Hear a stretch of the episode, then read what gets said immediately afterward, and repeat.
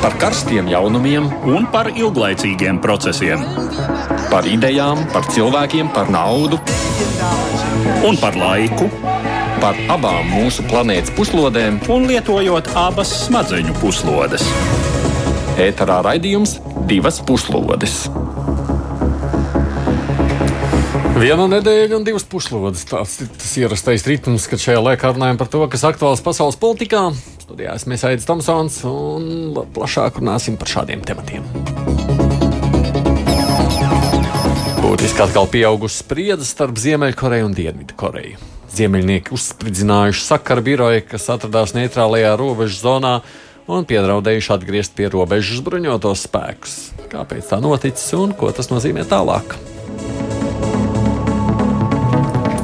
ASV prezidents Donalds Trumps līdz šim mēģinājis būt Ziemeļkorejai draugs. Savukārt ar Rietumu Eiropu viņa attiecības tikai pasliktinās. Tagad viņš paziņoja, ka izvedīs gandrīz 10 000 karavīru no ASV karabāzēm Vācijā.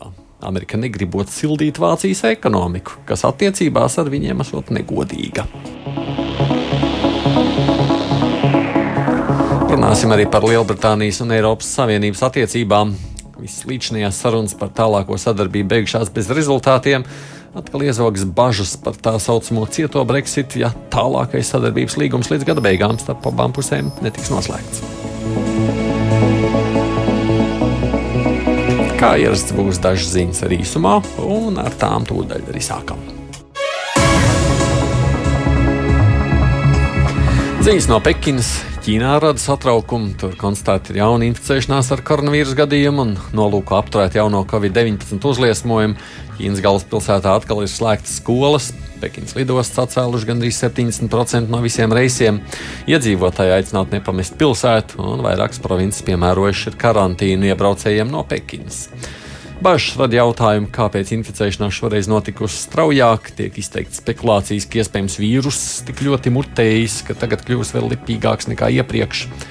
Jaunais izliesmojums ir cēlies no Siņfādi pārtiks vairumtirdzniecības tirgus, kas nodrošina 70% no Pekinas augļu un dārziņu apgādes. Tiek veikti testi vairākiem desmitiem tūkstošu cilvēku, kas saistīti ar šo tirgu, tostarp vairāk nekā 8000 tirgus darbinieku. Ir ziņas, ka kopš 30. māja šo tirgu apmeklējuši vairāk nekā 200 tūkstoši cilvēku.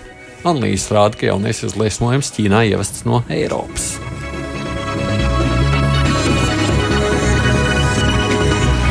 Šādi tad pienāk ziņas par uzsaslimušajiem valsts vīriem vai viņu ģimenes locekļiem. Slimnīcā nonākusi arī Ukrainas pirmā lēdija Olena Zelenska. Viņai abās plaušās ir sākusies pneimonija.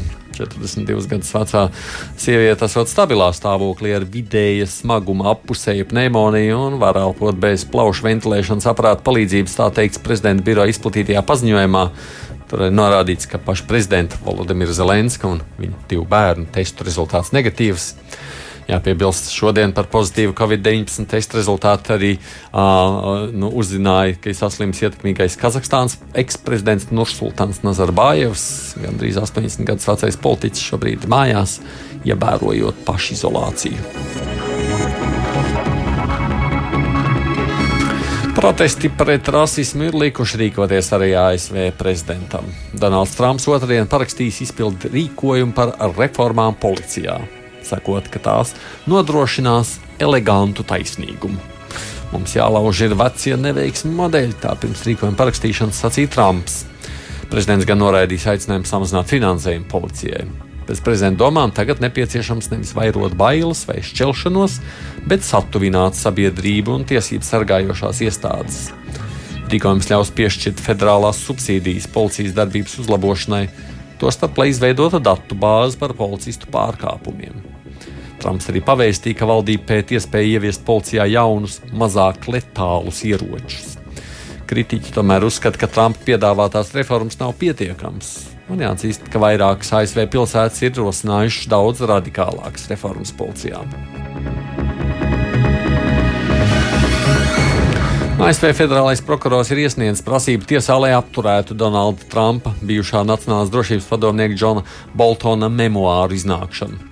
Grāmatā The Room Where It Happened, telpa, kur tas notika, Trumps attēlots neglaimojošā gaismā. Prasībā prokurors lūdz federālo tiesu Vašingtonā uz laiku aizliegt 23. jūnijā paredzēto grāmatas iznākšanu, norādot, ka grāmatā ir konfidenciāla informācija, tāpēc tās iznākšana jāaizliedz. Kamēr ASV Nacionālās drošības padome nebūs pabeigusi grāmatas satura pārbaudi. Boltons pašu grāmatu pārbaudē iesniedz jau decembrī, taču Nacionālās drošības padome kavējās šo pārbaudi pabeigt, tādēļ izdevniecība bija spiesta 17. martā plānoto grāmatas iznākšanu pārcelt uz 12. māju, tagad uz 23. jūniju. Tiesā iesniegtajā prasībā teikts, ka Boltons no izdevniecības par grāmatu esot saņēmis 2 miljonus dolāru. Grāmatas reklāmā tā arī teikts, ka Donalds Trumps negribētu, ka jūs izlasāt šo grāmatu. Krievijā pirmdien no amata atkāpšies visi laikraksta vedamosti, galvenā redaktora vietnieki, protestējot pret jaunās laikraksta vadības īstenoto cenzūru. Vedamosts līdz šim bija viens no nedaudziem neatkarīgiem izdevumiem Krievijā, kādi vēl tur ir palikuši. Savulaik to izveidoja Nīderlandiešu uzņēmēja Dereka Sauer kompānija Independent Media un medijas arī tāda medija kā Financial Times vai The Wall Street Journal. Gadu gaitā laikraksts vairāk kārt ir mainījis īpašniekus, tostarp, lai ievērotu Krievijas likumu, kas ierobežo ārvalstnieku iespējas būt par Krievijas mediju īpašniekiem. Tagad tas ir pārdots mazpazīstamas reģionālās ziņa aģentūras federāla preses vadītājam Ivanam Jerjominam. Kopš tā laika, kā apgalvo žurnālisti, viņiem liek atspoguļot negatīvas viedokļus par Krievijas prezidentu Vladimiru Putinu. Un ņemot vērā visas redakcijā notikušās pārmaiņas, viņi tur strādāt vairs nevarot.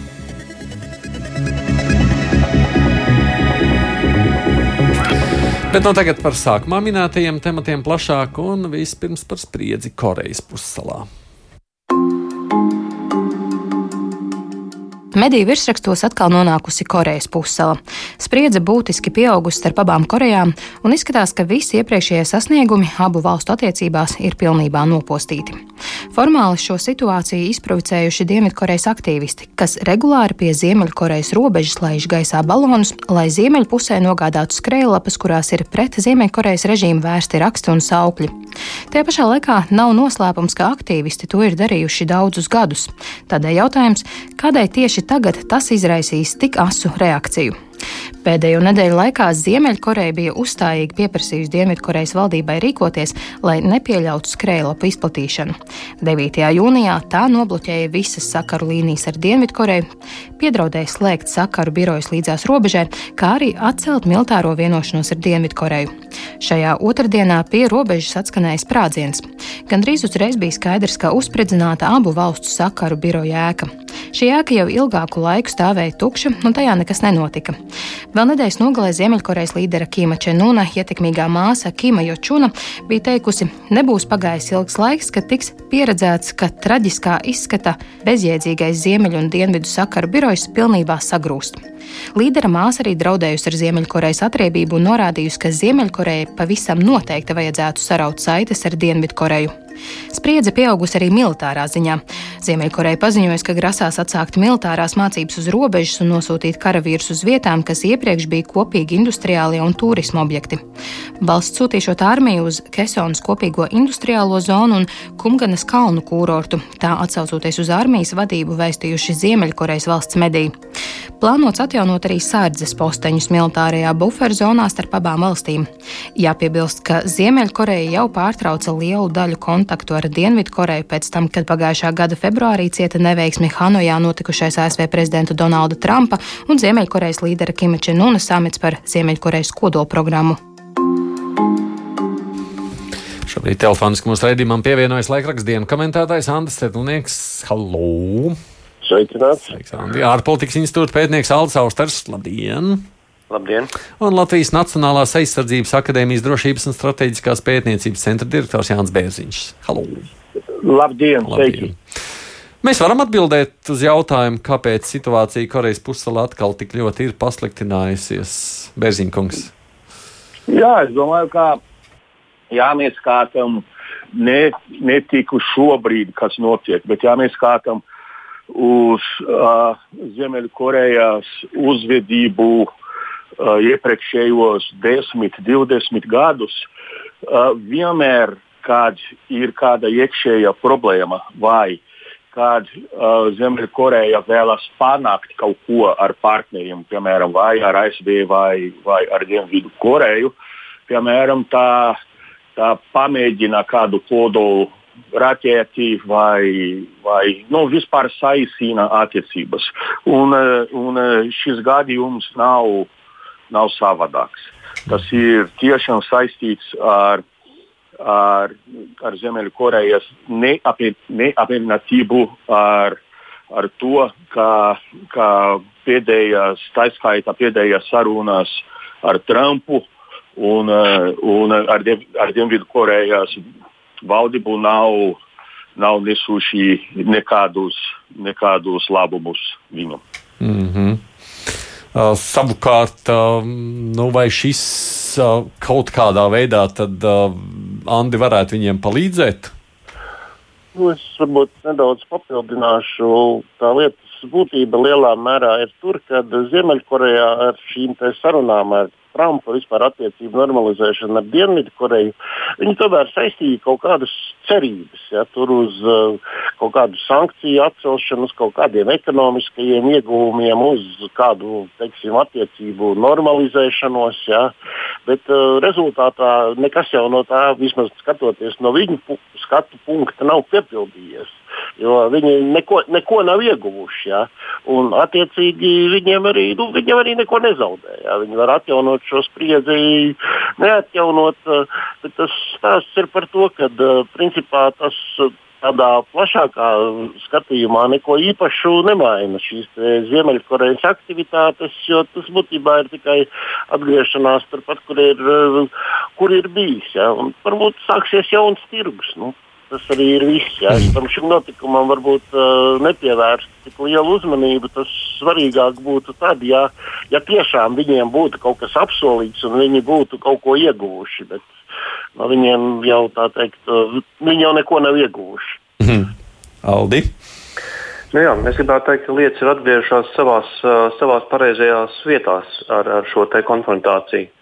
Jo jāsaprot tas, ka šis atklāsmes, kas bija iestājies ap Ziemeļkoreju un Dienvidkoreju, patiesībā bija kaut kāds izņēmums no vispārējās situācijas.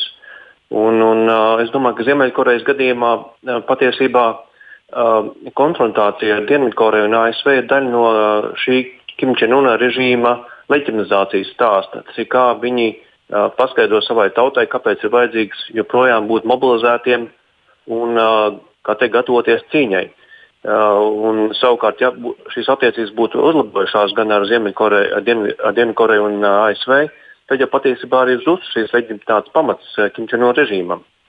Mm. Tāpēc uh, bija sagaidāms, ka agrāk vai vēlāk viņi atgriezīsies pie šīs konfrontācijas. Te vienu brīdi jau savukārt attiecībā uz uh, savu laiku Čenūna pazušanu atceramies, man liekas, pirms kaut kādām dažām nedēļām. Tad tur viss diskutēja to, hmm, varbūt tur būs kas te varētu turpināties, vai tā nebūs viņa māsa. Nu, tagad izskatās, ka māsa ir vēl tāda aktīvāka savā retorikā. Tas... Jā, bet es domāju, ka tas var būt bīstami viņas veselībai un dzīvībai. Ja viņi pārāk daudz centīsies, kā mēs zinām, ka tur, diemžēl, Uh, nu, ir šis saucamais Damokla zobens virs galvas, kurš karājās, un es domāju, ka līderis necietīs uh, reālu konkurenci. Hmm. Nu, jā, bet īpaši runājot par, par, par, par viņa māsu, ir acīm redzams, ka um, viņa klibo ar veselību. Čenunam ir ļoti slikta veselība, ir ēsnis un, un pārāk daudz smēķa un tā tālāk.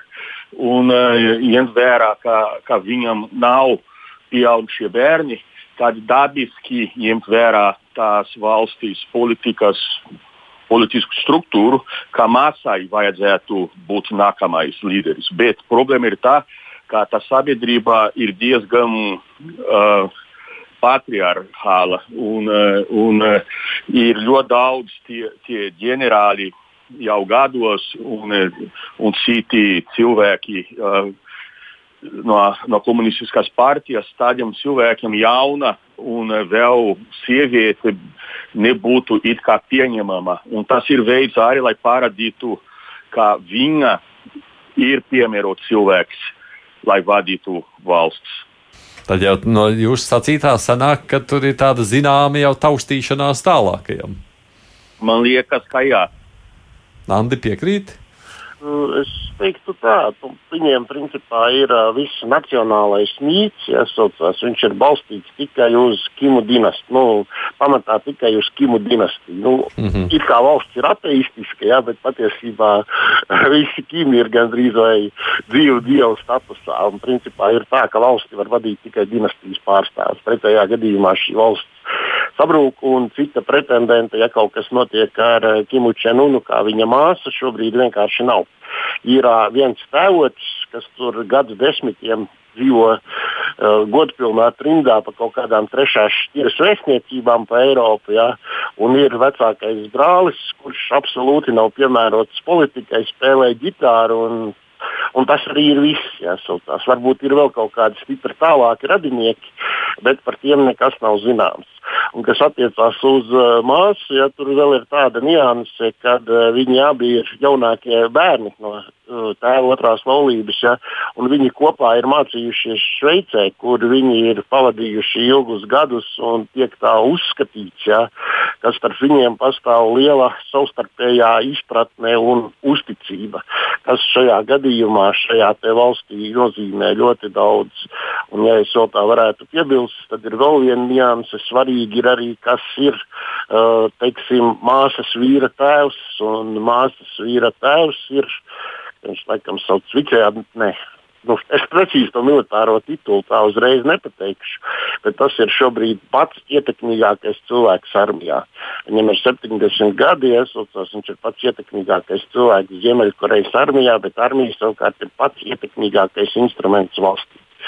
Tā kā principā Tur ir cilvēki, kas var parūpēties par to, lai šī vara nepieciešamības gadījumā nonāktu viņa māsas rokās, bet kā jau nu, tika minēts, ja, šis jautājums ir par to, vai militarizētā un patriarchālā valstī pie varas ilgstoši var atrasties sieviete. Un tā kā ļoti ticams, ka ja nu kas notiek ar esošo līderi, tad māsas nākšana pie varas tas varētu būt savā ziņā pārejas periods, lai sagaidītu, kamēr uh, atbilstošu vecumu sasniedz Kima Čenuna dēli.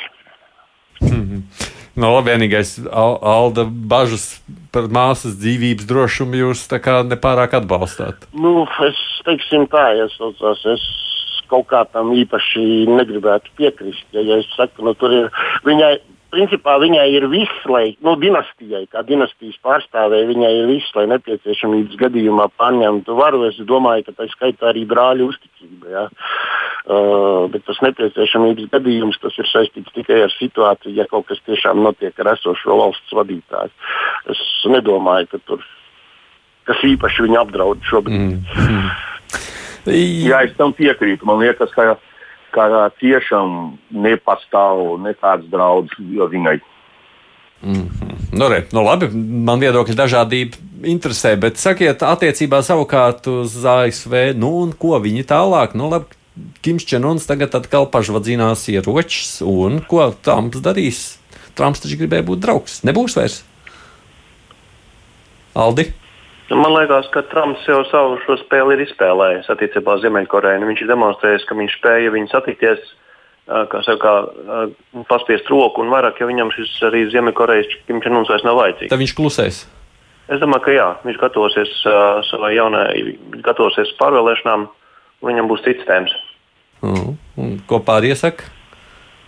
Nu, man liekas, ka, kā Trumpa gadījumā nu, viņš pats teica pēc Singapūras samita, viņš teica par, par Čenunu, ka uh, we fell in love, mēs iemīlējāmies. Un, uh, un, uh, bet bet uh, uh, man liekas, ka Trumps diezgan uh, lietišķi skatās uz šo pasakumu. Viņš mēģināja dabūt kādu, kādu, kādas vienošanas, tas nesanāk. Un es piekrītu tam, ka, ka Ziemeļkoreja šobrīd nemaz nav ASV uh, augstā prioritāte. Un, līdz ar to vispār es domāju, ka viņi var turpināt uh, taisīt kādu šovu un būs diezgan grūti dabūt uh, uzmanību no, no ASV. Mm, Andi? Jā, nu es piebilstu to, ka neko īpaši daudz jau viņš arī nevar izdarīt. Ja, nu, teiksim, ar militāru spēku tur atrisināt neko nav iespējams, jo šāda situācija, teiksim, kaut kāda militāra konflikta draudi, tas izraisa histēriju uzreiz, piemēram, Dienvidkorejā un Japānā. Ziemeļkoreja tomēr ir kodolvalsts. Ja, un, lai vai kā, ja nevienam negribās pārliecināties par to, vai režīms ir spējīgs izšaut šīs kodolraķetes. Ja. Un plus vēl ir arī tāda nianse, ka, manuprāt, uh, ir neviena valsts, kura nepavisam nav, nu, kur daudzas valstis, kuras nav īpaši ieinteresētas, lai šis miera process uh, uh, viņš, teiksim, virzītos pretī uz kādu tur zem, abu Koreju apvienošanos pēc sistēmas, ka tur kaut pēc sistēmas viena valsts, divi režīmi vai kaut kas tāds, ja, jo tas uzreiz padarītu Ziemeļkoreju par ļoti ietekmīgu, nu, nevis, es atvainojos, nevis Ziemeļkoreju, bet jau šo apvienoto Koreju par ļoti ietekmīgu reģionālo spēlētāju, ekonomiski, politiski Un es šaubos, vai sirds dziļumos, uh, tur Japānā vai pat uh, vai tur Ķīnā vai vēl kur iesaucās, vai kāds ilgojas pēc šādas Korejas, kura piedāvājuma vēl visticamāk uh, var palikt arī kodolvalsts statusā. Kas nozīmē, ka visi tā kā priecātos par šo status quo saglabāšanu? Nu, principā es teiktu tā, ka vairākumam pret to nav nekādu pretenziju. Es arī piekrītu, jā. Tas ir tieši uh, visu valstu interesēs, arī Dienvidkorejas un pašas Ziemeļkorejas. Vispār neko nemainīt. Nu, labi, ja ar Kim Čenu Trumps gribēja draudzēties, tad attiecībās ar Vāciju gan viņš savu skepsi nekad nav slēpis. Mēs turpinām ar šo nākamo tematu. Jau pāris nedēļas klīda runas, ka ASV vēlas par trešdaļu samazināt savu militāro klātbūtni Vācijā. Pirmdien šīs runas apstiprinājās, kad ASV prezidents Donalds Trumps paziņoja, ka amerikāņu karavīru dislocēšana Vācijā ASV izmaksā ļoti dārgi, un tāpēc tā plāno samazināt militāro klātbūtni Vācijā. Paziņojot par pieņemto lēmumu, prezidents ne tikai kritizēja savus sabiedrotos Berlīnē par nepietiekamiem ieguldījumiem aizsardzībā un miljardiem dolāru lielas parāda saistības NATO, bet arī par netaisnīgu attieksmi pret ASV tirzniecības jautājumos. Savukārt Vācijas aizsardzības ministre Anne Grēta Krampa Kārenbauer otrdien sacīja, ka NATO nav tirzniecības organizācija un drošība nav prece.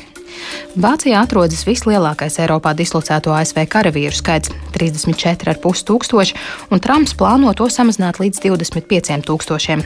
Pagaidām gan nav pieņemts lēmums par to, kad un kā tas tiks darīts, taču vakar NATO valstu aizsardzības ministru sanāksmē ASV aizsardzības ministrs Marks Espers solīja par šo procesu konsultēties ar sabiedrotajiem.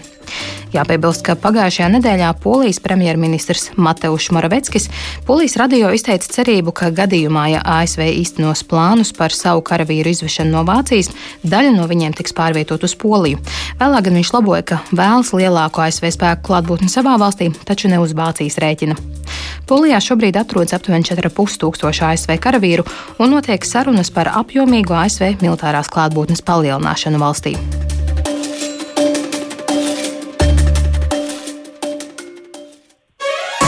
Divas puslodes.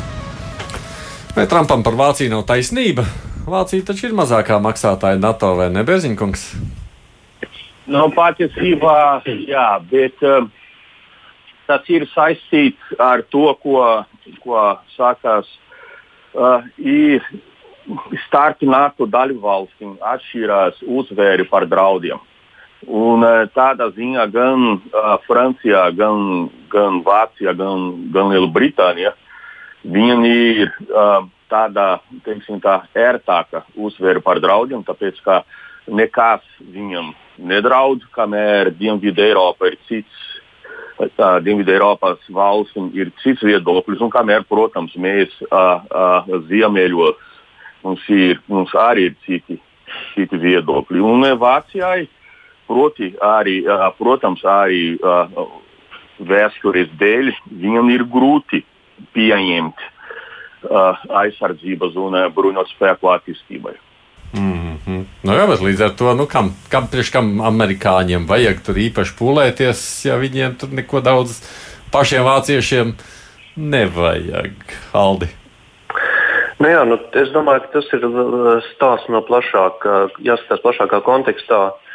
par ģeopolitiskām norisēm pasaulē un arī par to, kā attīstās tirzniecība pasaulē. Un te jāsaka, ka ir divas valstis, kuras ir ļoti apvienotas ar esošo stāvokli. Viena no šīm valstīm ir Vācija un otra Ķīna. Savukārt valsts, kur nav apvienota ar to, kā attīstās starptautiskā tirdzniecība, ir ASV. Līdz ar to no ASV skatu punkta, no Trumpa skatu punkta, gan Vācija, gan Ķīna ir uh, būtiski sāncenši, kurus jācenšas ir ierobežot, kuri kaitēja Amerikas uh, tirdzniecības interesēm. Un, attiecīgi, jā, no šī, šī spēku pārdislocēšana ir, ir, ir jāskatās arī šajā, šajā kontekstā, ka tas ir arī signāls Vācijai, kurā līdz šim šo ASV spēku atbūtne ir nu, bijusi ļoti simboliska loma, lai stiprinātu šīs attiecības gan starp Vāciju, gan ASV. Tas ir arī tāds simbolisks gājiens, lai apliecinātu no ASV puses, ka Vācija zaudē savu statistisko nozīmi ASV ārpolitikā. Hmm. Jā, bet īsti... es gribētu jā. piebilst dažas dažas lietas vienkārši tā kā, kā nav tā, kā pēkšņi Trumps izdomāja uh, izņemt kara vīrusu no Vācijas. Īstenībā uh, šīs ir daļa no plašāka plāna, kas ietilpst arī Afganistāna, Sīrijā, Irākā, Dienvidkoreja un Japāna. Kas, tas nav tikai par Vāciju, ir par šīm valstīm arī, doma ir tomēr izņemt kara vīrusu no tām arī. Un runājot par tirzniecību, un eh, es citēšu uh, Trumpu, Trumps uh, ir, ir paudzis viedokli, kā ņemt vērā Nord Stream 2.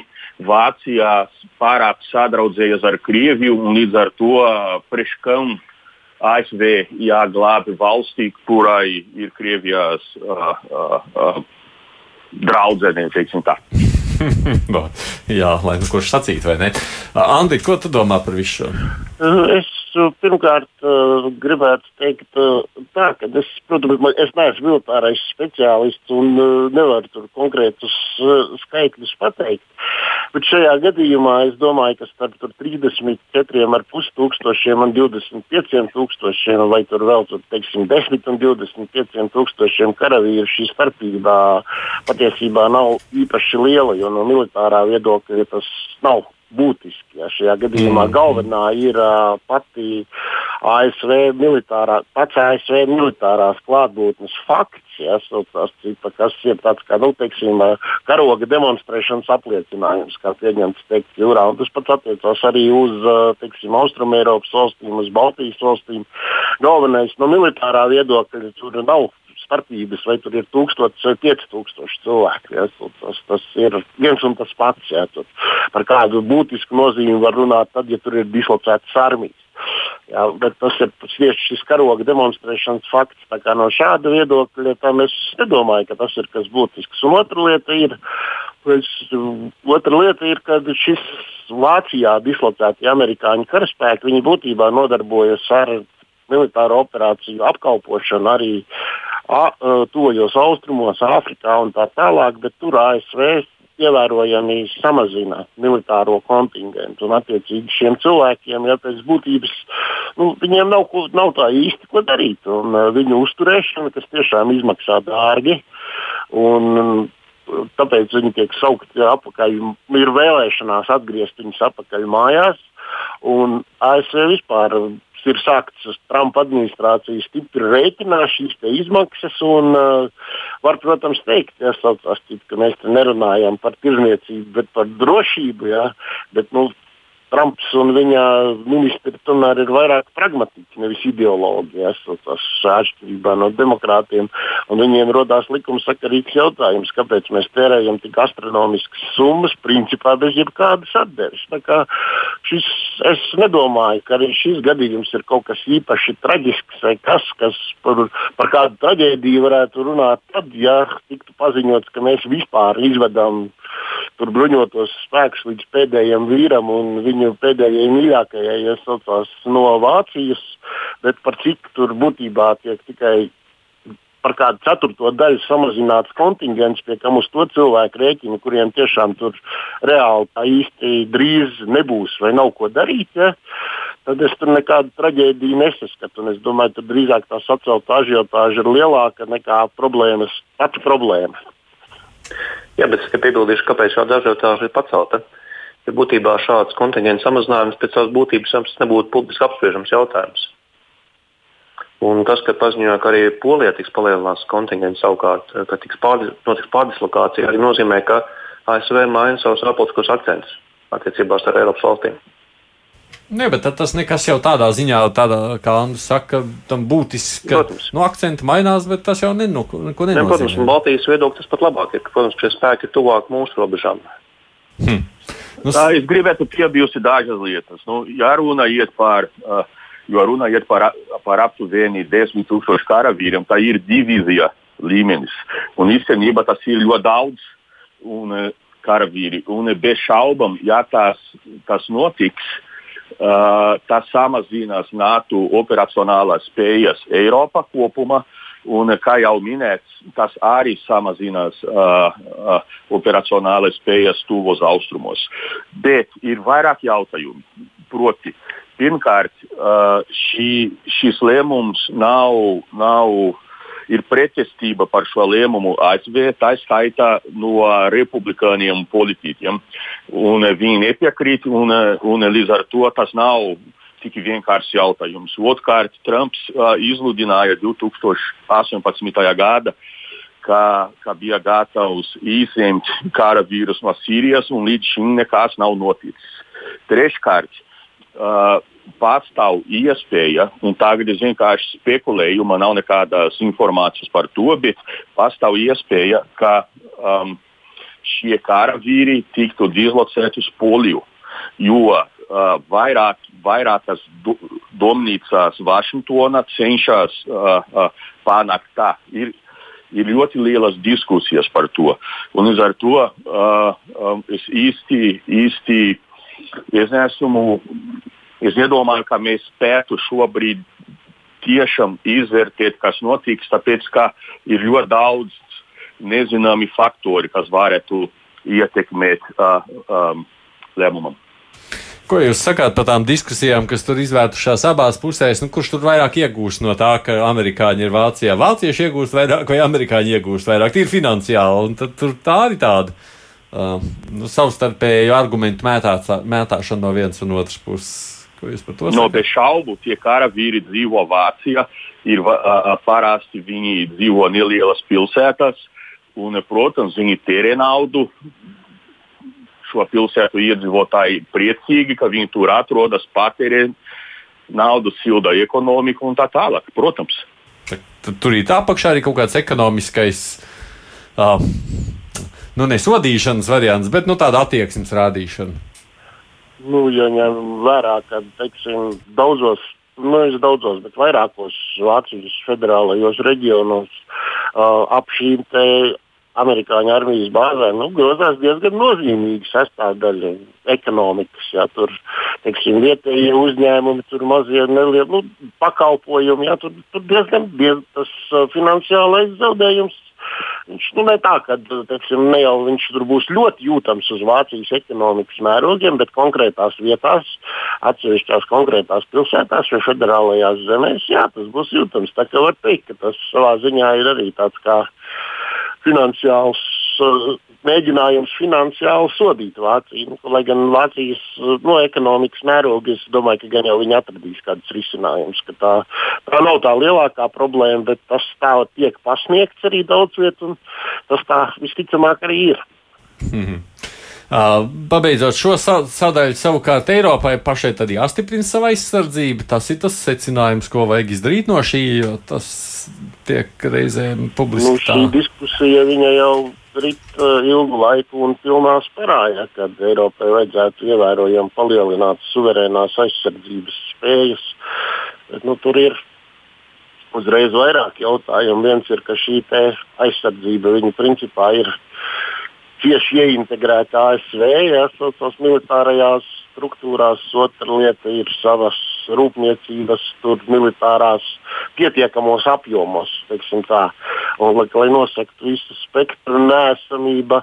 Nu, un trešā lieta ir iekšpolitiskās domstarpības pašā Eiropā, jo pastāv diezgan stipri stipri atšķirīgi priekšstati par to, kādu vispār Eiropas nākotni, globālo nākotni iesaucās redz, piemēram, Vācijā un Francijā, kurām nav kurām, kurām ir acīm redzama vēlēšanās spēlēt uh, patstāvīgu lomu, ja, un, piemēram, Austrumēropā, kur ir stipri citi priekšstati par ārējiem apdraudējumiem un to, kādai vajadzētu izskatīties Eiropas nākotnē. Es domāju, ka šis jautājums vēl ilgi būs diskusiju objekts. Mm. Bet nu, neaizmirsīsim arī, ka patiesībā jau šāda virzība paklusām solīts pa solītim uz kaut kādām neatkarīgām Eiropas struktūrām. Šajā gadījumā ir neatkarīgām, lai gan formāli viņas, protams, ir pakārtotas par NATO vai ieintegrētas NATO, bet šāda virzība solīt pa solītim notiek jau kopš 90. gadu sākuma. Ja? Un, nu,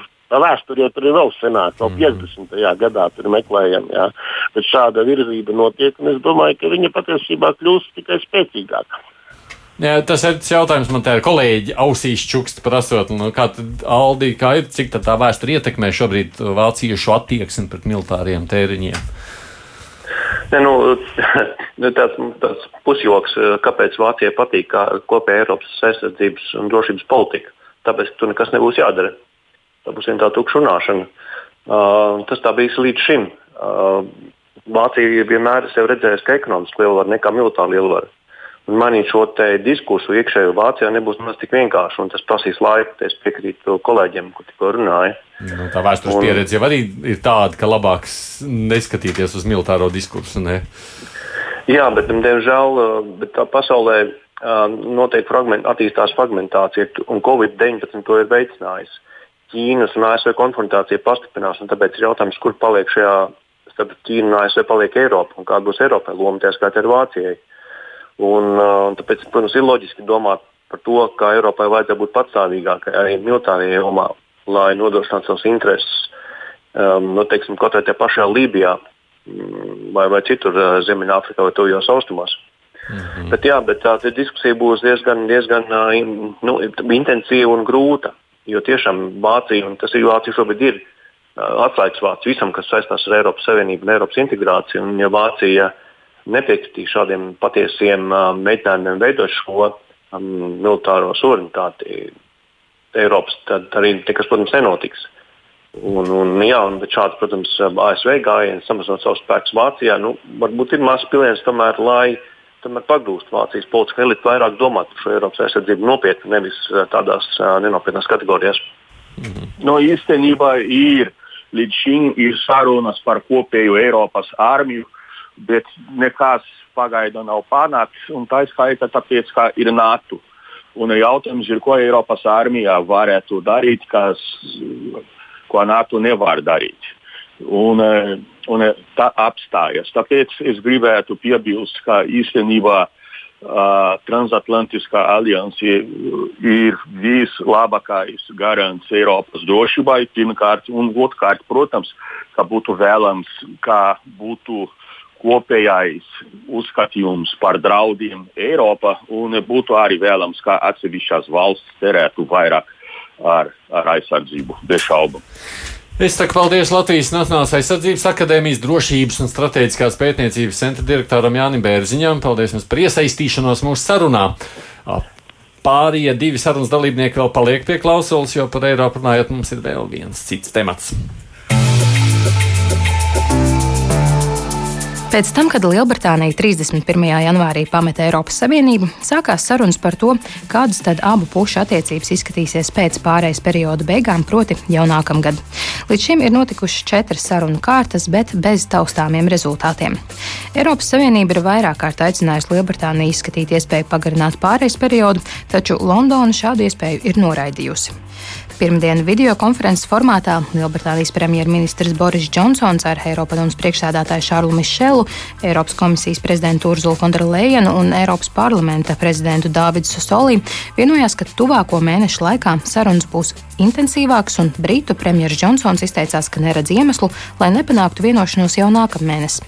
Cerības abām pusēm ir arī uz Vāciju un tās kanclera Angelu Merkeli, kas 1. jūlijā pārņem Eiropas Savienības prezidentūras stafeti. Cerības tiek liktas gan uz Berlīnas vēlmi izvairīties no bezvienošanās scenārija, gan Merkeles pragmatisko pieeju tirdzniecības sarunām.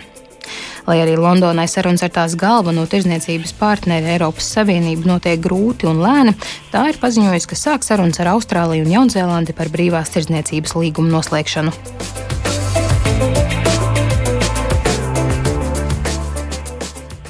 Atgādījumi pie tālruņa klausulas redzījumā piedalās laikraksta dienas komentētājs Andris Sedlnieks un ārpolitikas institūta pētnieks Alts Austers.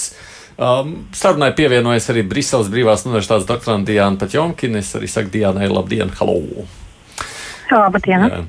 Uh, man šis scenārijs par to optimismu un pesimismu klausoties visu laiku tajā Brexit kontekstā, atgādina ļoti tā pagājušā gada stāstu. Uh, Aldi, kā jums šķiet, kā tad beigsies viss šīs Eiropas Savienības un UK sarunas? Jā, nu es domāju, ka vienošanās gal galā būs kaut kāda. Visticamāk, viņa nebūs ideāla no Eiropas Savienības viedokļa. Tas būs kaut kāds uh, mistrojums, kas ļaus um, uzturēt ekonomiskās attiecības starp Lielbritāniju un Eiropas Savienību. Tas būs kaut kas vairāk nekā brīvās tirdzniecības līgums, bet mazāk nekā nu, teiksim, šī, šīs um, šie, Eiropas ekonomiskās asociācijas līgumā um, noteikumi, kādi tiek piemēroti attiecībā uz Norvēģiju. Un, jā, bet jāsaka, tā divas lietas vēl jāatzīmē. Um, ja bija sarunas par Lielbritānijas izstāšanos no Eiropas Savienības, tad šķiet, ka Briti pārreikinājās ar, ar, ar to, ka viņi pārāk lielu akcentu lika uz to, ka, varētu, ka tieši ekonomiskās intereses Eiropas Savienībai liks piekāpties attiecībās ar Lielbritāniju un, un neuzstādīt bargus noteikumus izstājoties. Uh, tad šobrīd spēles noteikumi ir mainījušies, un šobrīd šķiet, ka pati Eiropas Savienība pārvērtē savu ekonomisko nozīmi Lielbritānijā.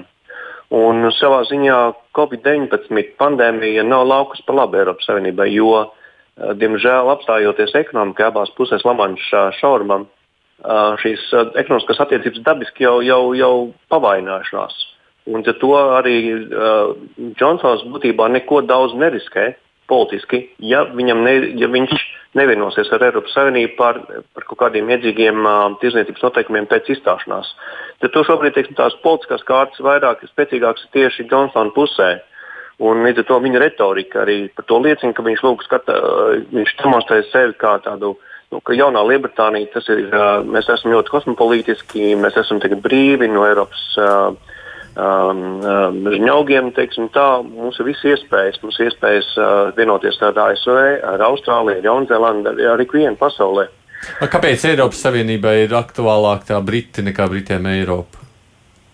Um, vienkārši, nu, protams, tās ekonomiskās saites ir ļoti cieši ap, ap, apusēji. Um, taču, nu, kā jau minēju, no Eiropas Savienība ir rēķinājusies, ka Briti uh, mm, centīsies panākt vienošanos jebkurā gadījumā, jo nebaidīsies zaudēt ekonomiskās attiecības.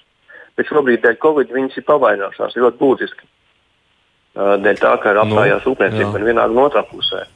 Ja to politiskā diskāla Džonsonam šobrīd vairs nav tik liela, kā tas būtu bijis pirms šīs pandēmijas. Jā. Nevienoties. Līdz ar to iznāk tā, ka Eiropas Savienības paļaušanās, ka ekonomiskā nozīme Eiropas Savienības priekšlietotājs būtu būtisks arguments šajās sarunās, vairs nav, nav nozīmīgs arguments. Mm. Bet es vēl atzīmēšu to, ka patiesībā liela loma nozīmē, liela, liela liela loma būs arī tam, kurš uzvarēs uh, prezidenta vēlēšanās ASV. Ja tas būs uh, Joe Bidenis, uh, demokrāts, uh, tad, uh, diemžēl, Džonsona izredzes uz, kaut, uz ļoti izdevīgiem tirsniecības noteikumiem ar ASV nebūs iespējama. Jo visticamāk, Joe Bidenis nepieļaus to, ka, um, AS, ka Lielbritānijas nevienošanās ar Eiropas Savienību kaut kādā veidā negatīvi ietekmētu īriju, jo Joe Bidenim elektorātā liela nozīme ir īri lobbyiem ja mm. īriem, kur dzīvo ASV, un to, jā, nu šeit mainīsies arī šie spēles parametri. Hmm, pēc ASV prezidenta vēlēšanām. Interesants aspekts. Andi, ko tu domā par šo? Nu, es kā vienmēr teikšu, ka skaidrs ir tas, ka uh, nekas nav skaidrs. Ja, jo tur uh, teiksim, tā nostāja jau tādā pārmērīgi konkrēti joprojām nav kļuvusi. Bet es arī tieši tāpat piekrītu, ka jā, kaut kāda vienošanās uh, tiks noslēgta. Kaut gan nu, Es domāju, ka viņa tomēr ir pietiekami svarīga abām pusēm, lai šī vienošanās tiktu noslēgta. Kaut gan Covid, nu, Covid pandēmija ir pasliktinājusi šīs saites, bet nu, tur tomēr ir ilgadēja sadarbība un tik daudz, tik daudz savstarpējo saišu, ka gluži bez vienošanās uh, aiziet uh, arī nebūtu reāli. Un es gribētu pielikt klāt, ka ir arī tāds faktors, ka uh, teiksim, Briti jau labprāt cenšas saglabāt atsevišķās jomās, tajā skaitā arī attiecībā uz drošības jomu, piemēram, jā, kādu ietekmi Eiropas struktūrās, jā, jo viņiem tā tomēr ir svarīga. Tas ir tieši tā drošības joma, tas varētu būt tāda īpaši izceļama šajā gadījumā. Un, teiksim, un tas ja viņi tagad ņemtu un vienkārši aizcirstu durvis, kas nav nereāli, ja, tas ir iespējams, un, lai ar visām problēmām no Britu puses, ja, bet tad viņi aizcirstu šīs durvis arī daudzās tajās jomās, kur viņi tomēr gribētu tā kā palikt. Es domāju, ka šī vienošanās būs, lai gan viņa, protams, kā vienmēr šajā gadījumā nāks grūti, un arī paši Briti tur nevisai sapratīs brīžiem, kā vienmēr, ko viņi īsti vēlas vai nevēlas. Bet, nu, principā, tā ir optimistiskāka nekā mm. šita vēl, nu, teiksim, pirms gada vai kā. Tā ir.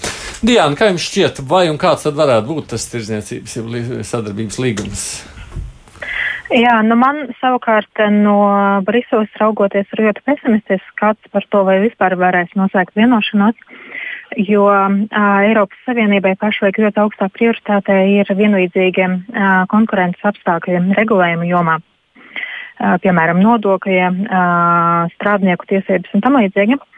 Un um, Eiropas Savienība kategoriski nevēlas piekāpties.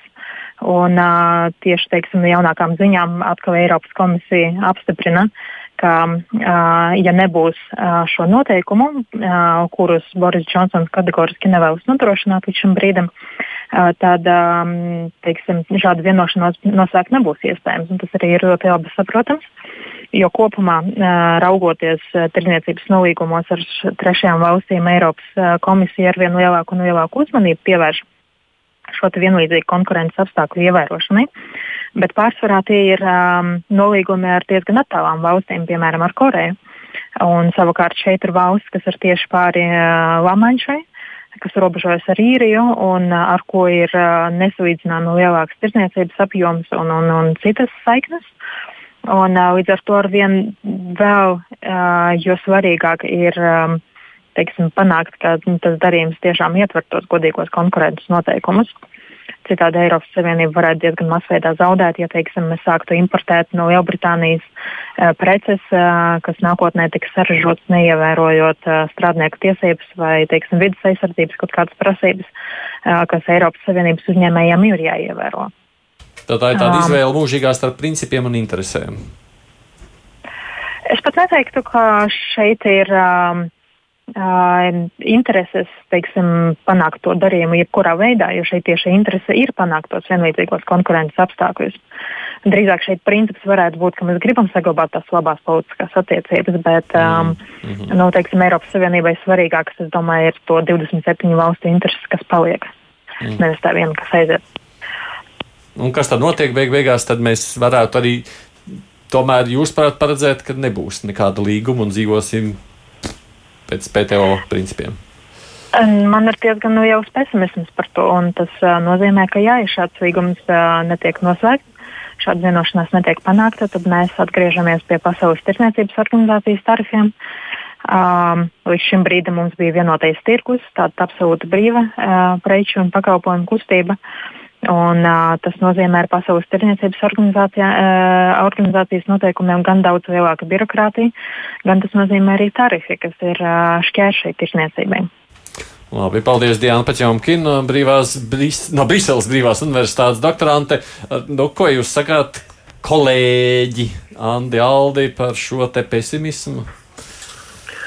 Nu, nu, pesimismam, protams, arī ir iemesls, jā, bet uh, nu, Tad pie, šis ir tas gadījums, kad ir kā ar bitēm. Es jau daudz reižu esmu teicis, ka nu, vispār Lielbritānijas izstāšanos procesu, jā, viņš ir tāds lielā mērā haotizēts un tāpēc ir tā, samērā grūti sniegt kādas konkrētas prognozes, jā, bet nu, man tīri, varbūt tīri cilvēcīgi vairāk gribās būt optimistiskākam.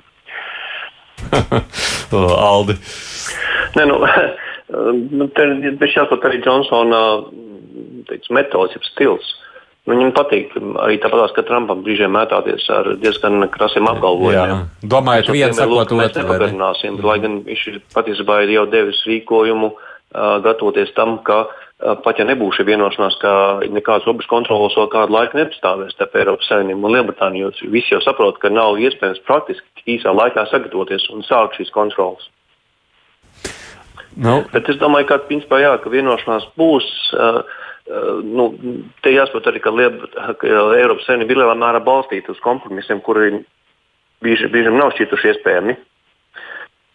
Bet nu, šis te pēdējais sacītais, nu, avar, kāpēc nē, jūlijas mēs varam jau jūlijā jau vienoties, jo nē, kāda problēma. Tā arī tāda nu, retorika, jeb mētāšanās tikai ar domām. Nu, jūlijā, protams, diezgan vai, ja, bet līdz uh, decembrim var būt.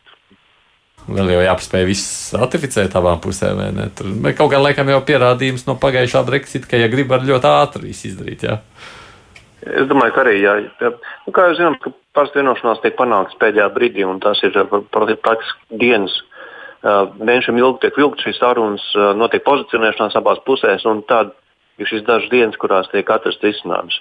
Tas es domāju, ka būs šeit līdzīgi. Tas nozīmē, ka visi gatavojas uz decembri, un tas viss pārējais tāpēc. Principā, jā, un es saku, es gribētu vēl tiešām pasītot, ka ļoti nozīmīgs būs ASV prezidenta vēlēšana rezultāts. Kurš būs pie varas ASV, un tas lielā mērā noteiks, kāds attiecības būs ASV ar Lielbritāniju. Un tas savukārt determinēs to, kādas attiecības veidosies starp Lielbritāniju un Eiropas Savienību. Tas nozīmē, arī Džonsonam vienkārši interesi nogaidīt šobrīd novembri.